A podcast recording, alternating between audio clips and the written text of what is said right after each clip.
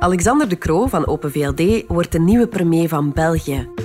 Een van oorsprong donkerblauwe liberaal uit de Vlaamse Ardennen zal de Vivaldi-coalitie met socialisten, groenen, liberalen en CD&V leiden. Waarom De Croo? En is het de juiste man op de juiste plaats? Het is donderdag 1 oktober. Ik ben Lise Bonduel en dit is de podcast van de Standaard.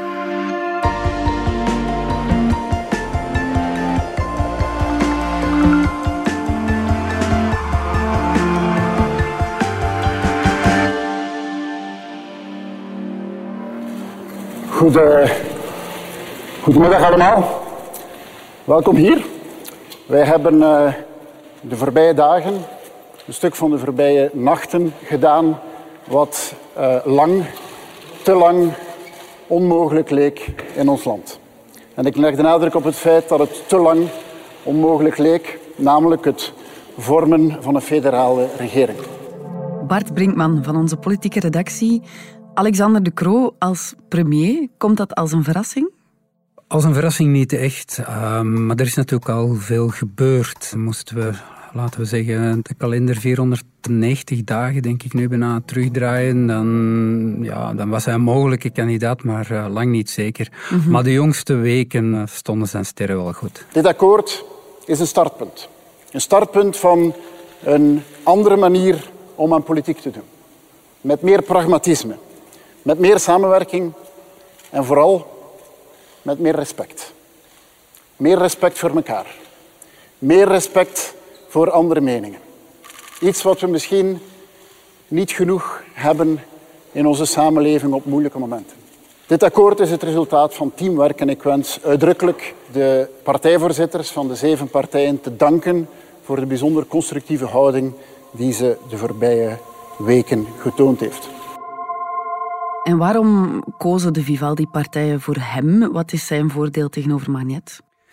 Dat is eigenlijk een moeilijke vraag. Er waren twee uitgesproken kandidaten, Paul Magnet en Alexander De Croo. Van De Croo wisten we echt wel dat hij premier wilde worden. Van Magnet was dat wat minder duidelijk. Hij had eerst laten uitschijnen dat hem dat niet echt interesseerde. Dan weer wel in elk geval, het, één ding staat zeker dat, dat uh, socialisten eigenlijk de eerste keuze hadden. Ja. Het is gewoon de grootste politieke familie, dus hij hadden de eerste keuze. En het feit dat Alexander de Croo nu geworden is, ja, dat, dat is zeker eh, voor een stuk ook betaald aan de, aan de socialisten. Dus daar is inhoudelijk op, uh, op toegegeven. Mm -hmm. En Magnet? Ja, Magnet is, is iemand die, die heeft ook allerlei andere dingen te doen. Hij is burgemeester van Charleroi. Uh, hij moet daar uh, Georges-Louis Boucher afhouden. Hij is ook nog niet zo lang voorzitter van de PS. Eh, ja, goed, uiteindelijk maakt iedereen voor zichzelf een afweging of dat dat het ultieme doel is. Alexander a montré dans cet exercice aussi énormément de patience. Et il en faut, et il en faudra encore beaucoup. énormément d'humour, une vraie capacité de leadership, une capacité de rassembler au-delà des différences. Ik wens u Alexander heel graag veel succes toe. En het is duidelijk dat Magnet vond dat het uh, misschien beter was uh, dat hij dat niet was premierschap van de Croo heeft natuurlijk ook als bijkomend voordeel dat deze regering, die, die aan Vlaamse kant geen meerderheid heeft, dat dat een beetje op een virtuele manier wordt, uh, wordt goedgemaakt. Dus ook voor de beeldvorming is het gewoon een goede zaak. Ja, en had hij na de verkiezingen in 2019 zelf gedacht dat hij de volgende premier zou kunnen worden? Goh, ik, ik kan me voorstellen dat hij dat altijd wel gedroomd heeft. En we hebben hem in, denk ik, in mei geïnterviewd. En dan zei hij op een bepaald moment... Je moet in de politiek veel ambitie hebben over wat je wil realiseren, maar je mag niet te veel persoonlijke ambitie hebben. En persoonlijke ambitie mag je niet ongelukkig maken als je ze niet waarmaakt. En toen was mijn slotvraag: kortom, u zou heel graag premier worden, maar u gaat niet treuren als u het niet wordt waarop hij al lachend zei, hier stopt het interview. en het was dus eigenlijk heel duidelijk dat hij met dat premierschap in zijn achterhoofd zat. Hij had ook, in tegenstelling tot zijn partij, met de verkiezingen een uitstekend resultaat, 80.000 voorkeurstemmen. Dus hij, voelt, hij voelde zich wel gesterkt door, eh, door de kiezer. Mhm. En is hij iemand die ons land op de kaart kan zetten? Ik denk het wel. Uh, het is iemand die een beetje door omstandigheden minister van ontwikkelingssamenwerking is geworden en in die hoedanigheid eigenlijk heel veel gereisd heeft. Hij heeft eigenlijk heel de wereld gezien, ook een paar keren naar de Verenigde Naties in New York geweest. Hij spreekt ook zijn talen, hij is zeer goed tweetalig, heeft ook een Franstalige moeder, hij kent ook Duits, Engels. Het is gewoon iemand die, denk ik, toch uh, internationaal wel zijn mannetje zal kunnen staan. Ja. Hier spreekt uh, Alexander de Croo de massa toe op het Global Citizen Festival in Johannesburg. Sunday Monday, Johannesburg! This has got to be the best crowd in the whole world. So, let's do something fun. I'm here for gender equality. So when I say she is,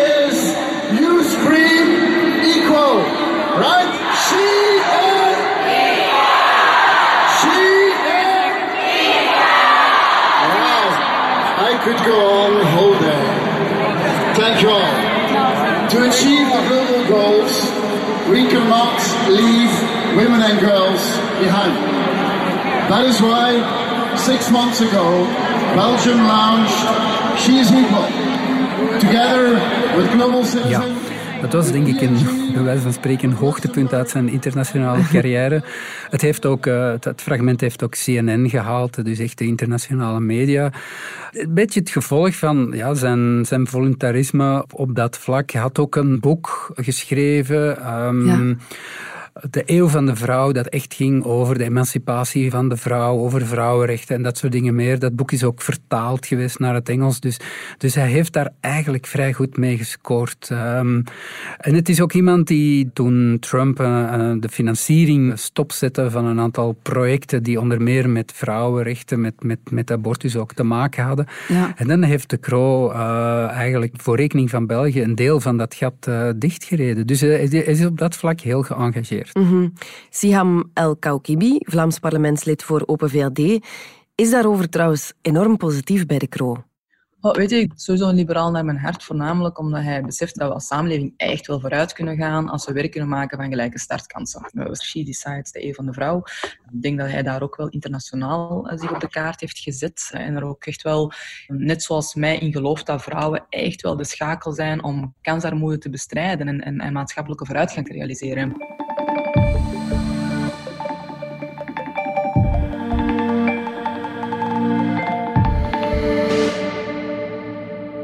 Wat voor iemand is Alexander de Croo? Was hij eigenlijk in de wieg gelegd voor de politiek? Wellicht niet. Hij is een beetje toevallig in de politiek gerold. Want Eigenlijk, het is een handelsingenieur, hij had uitstekende cijfers, werkte bij Boston Consulting Group, heeft daarvoor ook twee jaar in, in, in Chicago gestudeerd mhm. voor een MBA. Ehm, hij was volop bezig met een start-up te ontwikkelen, die trouwens zeer succesvol is geweest. Het is een, vrij stevig bedrijf geworden. Mhm. Dus het, het, was iemand die, die normaal gezien in het zakenleven wel zijn weg zou vinden. Maar ja, goed, hij is natuurlijk de zoon van zijn vader en de partij zat in 2009 in moeilijkheden, zeer slecht verkiezingsresultaat. Bart Somers als voorzitter eh, die dacht, ja, mijn hoofd gaat op, op het hakblok, dus ik zal maar uh, zelf uh, snel opstappen. En het toeval wilde dat Guy Verhofstadt toen introduceerde dat alle potentiële kandidaten twee sidekicks moesten meenemen. Dus een vorm van onder- of co-voorzitter, zoals je het ook wil noemen. Ja. En ja, Alexander de Croo werd heel druk gesolliciteerd, want iedereen wilde hem op het ticket, omdat zijn achternaam natuurlijk heel wat deuren opent. Mm Ja, dat zegt ook zijn vader, Herman de Croo. En ik heb hem gezegd, als je daar smaak in hebt, want hij was al bij de studentenleiders geweest enzovoort, als liberaal, dan heb je iets heel belangrijks. Jij hebt een soort uh, pole position. Uw familienaam gaat u helpen. Maar als je na vier jaar geen voornaam hebt, dan bestaat je niet meer de politiek. Ja, was het enkel zijn achternaam die deuren opende? Ja, want hij was echt totaal onbekend. Hij, was wel actief bij Liberalis, dat is, een, dat is een liberale denktank. En occasioneel woonde hij wel eens een congres bij. Ja. En hij had in 2009 op een totaal uh, onverkiesbare plaats voor de Europese verkiezingen een, een goed resultaat neergezet. Maar eigenlijk was dat niet om zijn eerste bekommernis. En er is, er is ook wel wat overtuigingskracht aan vooraf gegaan om dan toch die stap te wagen. Mhm. Maar hij had het gevoel, ja, als iedereen aan mijn mouw komt trekken, als mensen denken dat ik van alles in mijn mars heb, mhm. ja, dan kan ik het beter zelf doen. En dan is hij eigenlijk zelf voor dat voorzitterschap gegaan. Dus hij had plots een opportuniteit om voorzitter te worden. Mm Hij was echt een outsider tegenover Marino Keulen, laten we zeggen, de kandidaat van het establishment, een Verhofstadtboy.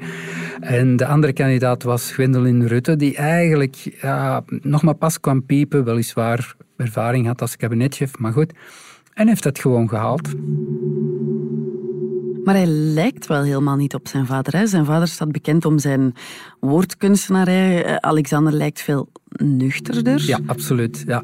Ja, Papa de Croo is bekend om zijn de Croïsmen. ja, bij momenten absoluut niet te volgen.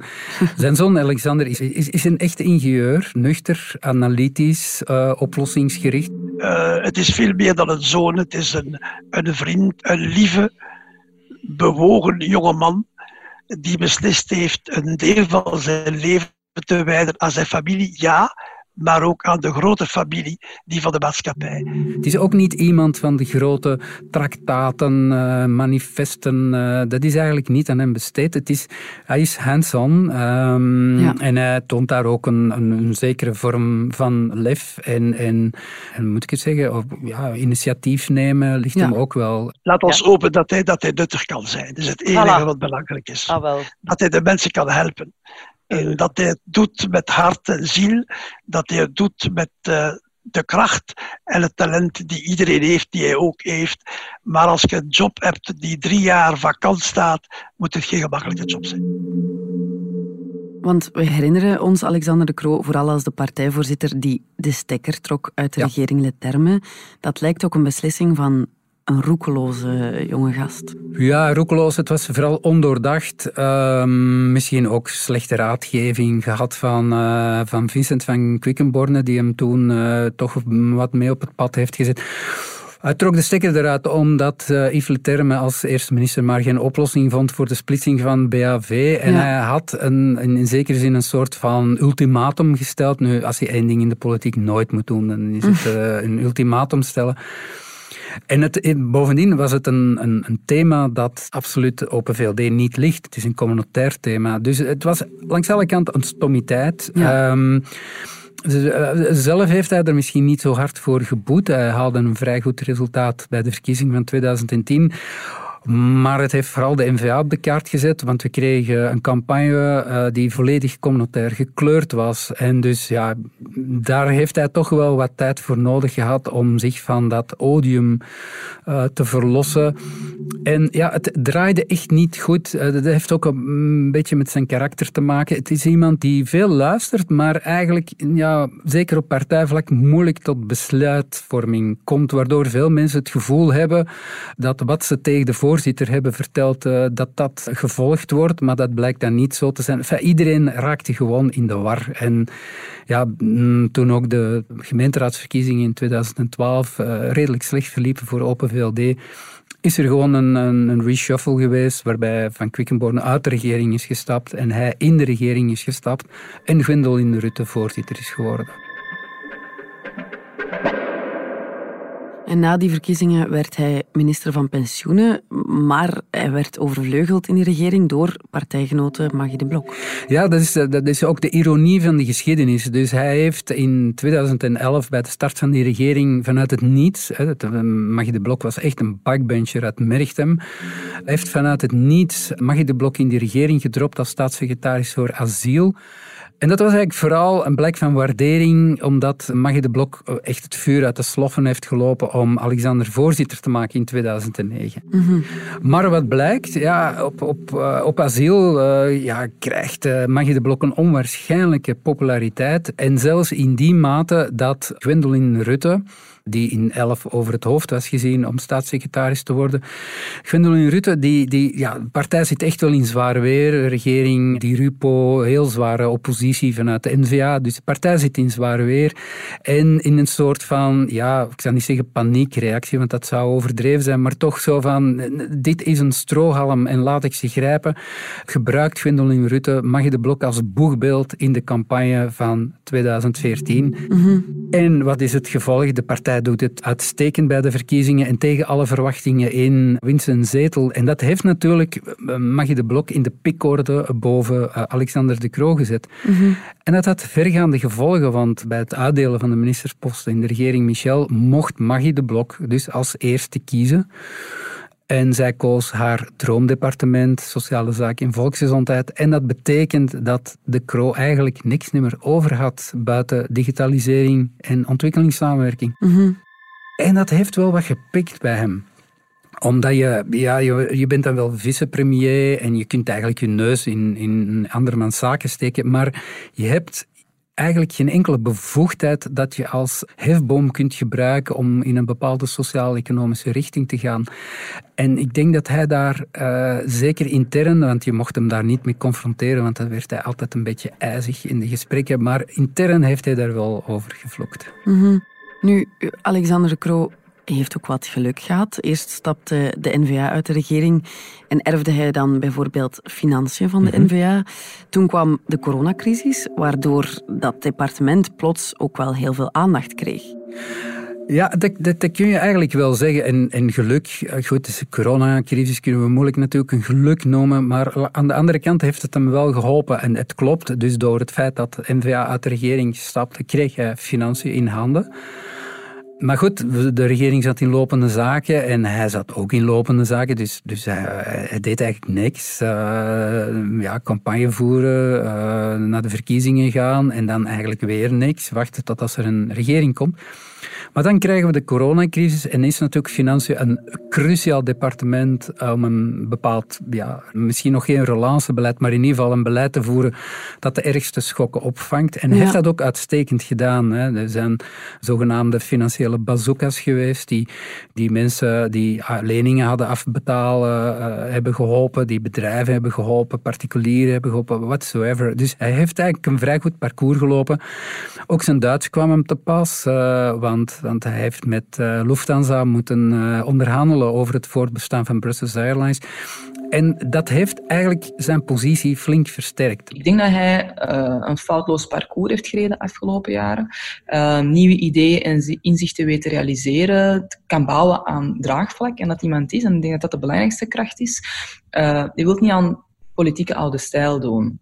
Communiceert open, laat inspraak en tegenspraak toe, ehm, zowel hier als internationaal. En vooral wat een premier nodig heeft, denk ik, is ehm, iemand die een team kan aanvoeren en die uitgaat van samenwerking in plaats van conflict. Dan moeten we eerlijk durven stellen dat het iemand was. Maggie de Blok kreeg nogal wat kritiek over zich heen. Uh, aan Vlaamse kant Wouter Beke. Uh, maar hij is altijd boven de melee kunnen blijven. En hij heeft toen ook een vrij kritiekloos parcours gelopen. En dat is wel uniek. -hmm. Want nu is hij plots premier, je moet ook wel wat chance hebben in de politiek, toch? Maar je moet in de politiek altijd een beetje geluk hebben. Uh, er zijn veel mensen die zich geroepen voelen om premier te worden. En men zegt ook, uh, wie als premier aan de onderhandelingen begint, komt er meestal uh, slechts als vicepremier uit. Dus het moet wat meezitten. Ja. En we moeten er ook een beetje aan toevoegen, hij heeft het ook wel een beetje in de hand gewerkt. Mm -hmm. We gaan nu naar een, een Vivaldi-regering. Nu, een jaar geleden, wat, iets minder dan een jaar geleden, november, december 2019, hadden we eigenlijk een paars groen kabinet dat eventueel kon worden aangevuld met CD&V. Mm -hmm. Daar is uh, Alexander de Croo heel kritisch over geweest en heeft eigenlijk ermee voor gezorgd dat dat toen werd tegengehouden. Dat had te maken met een zekere vorm van achterdocht uh, die hij had, zeker ten aanzien van zijn toenmalige voorzitter Gwendoline Rutte. Maar het had natuurlijk ook te maken met de wetenschap bij hem dat wanneer hij ja zou zeggen, ja, dan was Gwendoline Rutte 10 tegen 1 premier geworden. Dus ja. hij heeft ook strategisch af en toe wel wat op de rem geduwd. En dan ja, heb je uiteindelijk meeval dat op een bepaald moment uh, alle kaarten goed liggen om zelf de slag binnen te halen. Uh, we staan hier op een moment waar bijzonder veel mensen het uh, het zwaar hebben. Um, zware momenten omwille van de onzekerheid die er is. Maar we hebben in mijn ogen ook bijzonder veel mooie dingen gezien. Mensen die meer gedaan hebben dan wat van hen verwacht werd. En dat bewijst in mijn ogen één ding. En het is één ding dat we in mijn ogen te weinig zeggen. Namelijk in wat voor een prachtig land wij leven.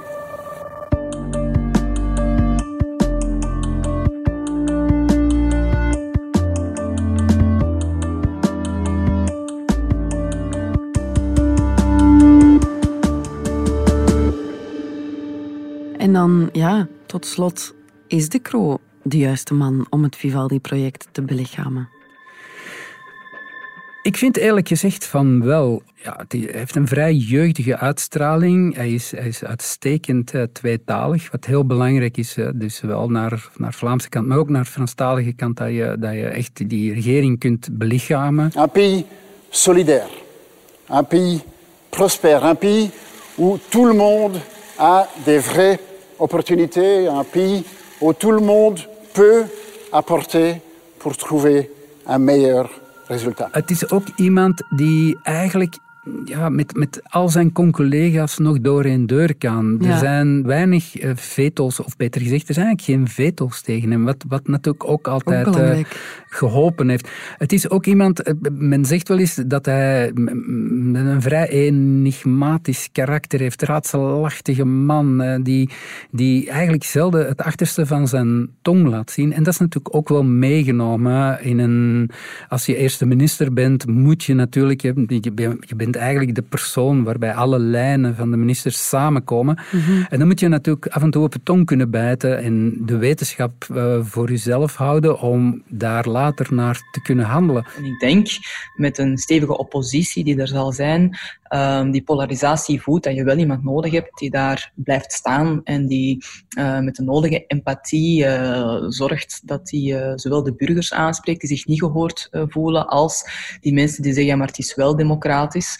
Uh, maar vooral ook over partijgrenzen heen uh, ja, België terug ja, een, merk maken. Dat, dat, dat de kracht en potentieel dat, dat België heeft en dus de Belgen hebben. En ik denk dat je daar ook een goede communicator voor nodig hebt en dat is die op zich wel.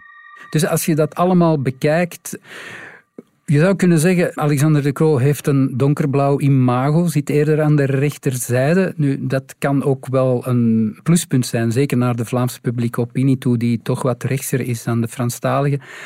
Maar men, zegt ook dat zeker zijn periode op ontwikkelingssamenwerking hem wat veranderd heeft. Hè? Dat het niet meer donkerblauw is, maar uh, Fifty Shades of Blue geworden. En dat hij op sommige punten, klimaat bijvoorbeeld, toch eerder aan de progressieve kant moet worden gerekend. Dus als je dat allemaal uh, samentelt, dan denk ik wel dat hij alle capaciteiten heeft om een uh, Vivaldi-kabinet goed te leiden. En ik besef dat bijzonder veel mensen sceptisch zijn.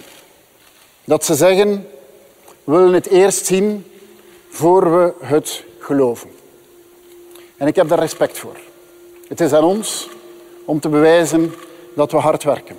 Het is aan ons te bewijzen dat we de juiste prioriteiten hebben. Het is aan ons te bewijzen dat we de voeten op de grond hebben. Het is aan ons om degenen die twijfelen vandaag, om hen te overtuigen van wat we met onze samenleving willen doen.